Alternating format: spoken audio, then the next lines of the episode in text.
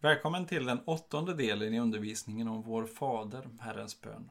Och idag har vi kommit fram till strofen och utsätt och rädda oss från det onda. Och utan rädda oss från det onda. För det första så kan man fundera på om det ska översättas det onda eller den onde. I grundtexten så är båda de här översättningarna möjliga.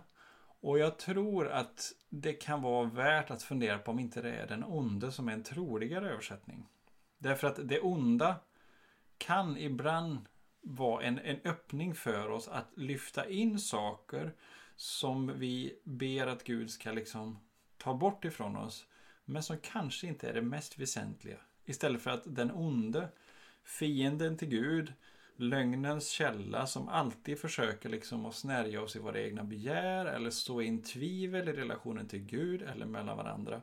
Det är egentligen källan eller kärnan till mycket av våran kamp och där behöver vi ha en urskiljning så inte vi går på de lögnerna. Om vi istället tänker rädda oss från det onda så kan det vara det kan nästan bli trivialt ibland. Som, ja men herre rädda mig från det onda. Alltså att jag inte får icke godkänd på mitt matteprov.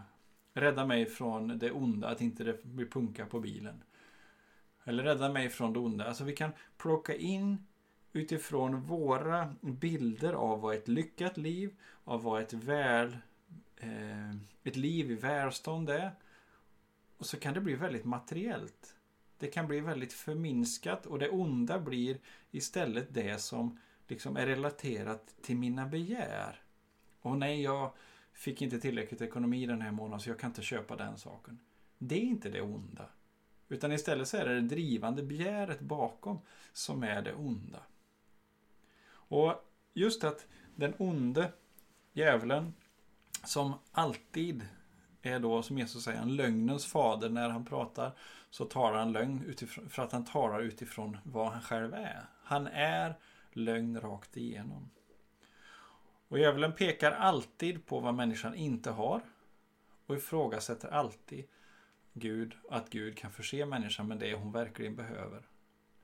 Och här har vi liksom källan till eh, att leda människan vilse. Att följa sina begär, att inte lita på Gud, att börja förse sig själv. Och här så är vi liksom lurade in i en återvändsgränd där människor runt omkring oss inte blir gåvor från Gud att leva vårt liv tillsammans med och söka honom utan istället kan bli konkurrenter eller konflikthärdar. Därför att vi börjar kämpa och, och liksom eh, om vad som är mitt och mig och mina. Rädda oss från det onda. Den onde. Och djävulen beskrivs i grundspråket som med med ordet diabalos. Diabolo, det, den finns, Diablo är på, på spanska, djävulen. Och det kommer utifrån alltså den som splittrar. Diabalo, kastar isär, splittrar, skingrar. Och det är så som Jesus beskriver djävulen. Han kommer för att skingra jorden och splittra jorden. Så att djävulen är ondskan och källan till ondskan i den här världen.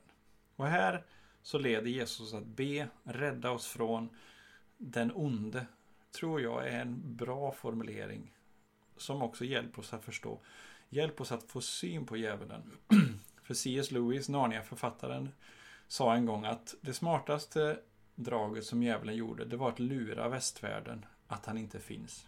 Finns han inte så kunde han verka inkognito, alltså under ytan utan att man inser att det är han som driver på och är en påverkande faktor som driver och påverkar människor på olika sätt. Jesus ber oss rädda oss från den onde. Och det är delvis att få syn på och därmed också inse att vi har faktiskt makt att säga nej till honom. Att inte följa begären, att inte följa tvivlen som han vill så in. Så låt oss be tillsammans. Vår Fader, du som är i himlen. Låt ditt namn bli helgat. Låt ditt rike komma. Låt din vilja ske, på jorden så som i himlen. Ge oss idag det bröd vi behöver och förlåt oss våra skulder, liksom vi har förlåtit dem som står i skuld till oss. och utsätt oss inte för prövning utan rädda oss från den onde. Ditt är riket, din är makten och äran i evighet. Amen.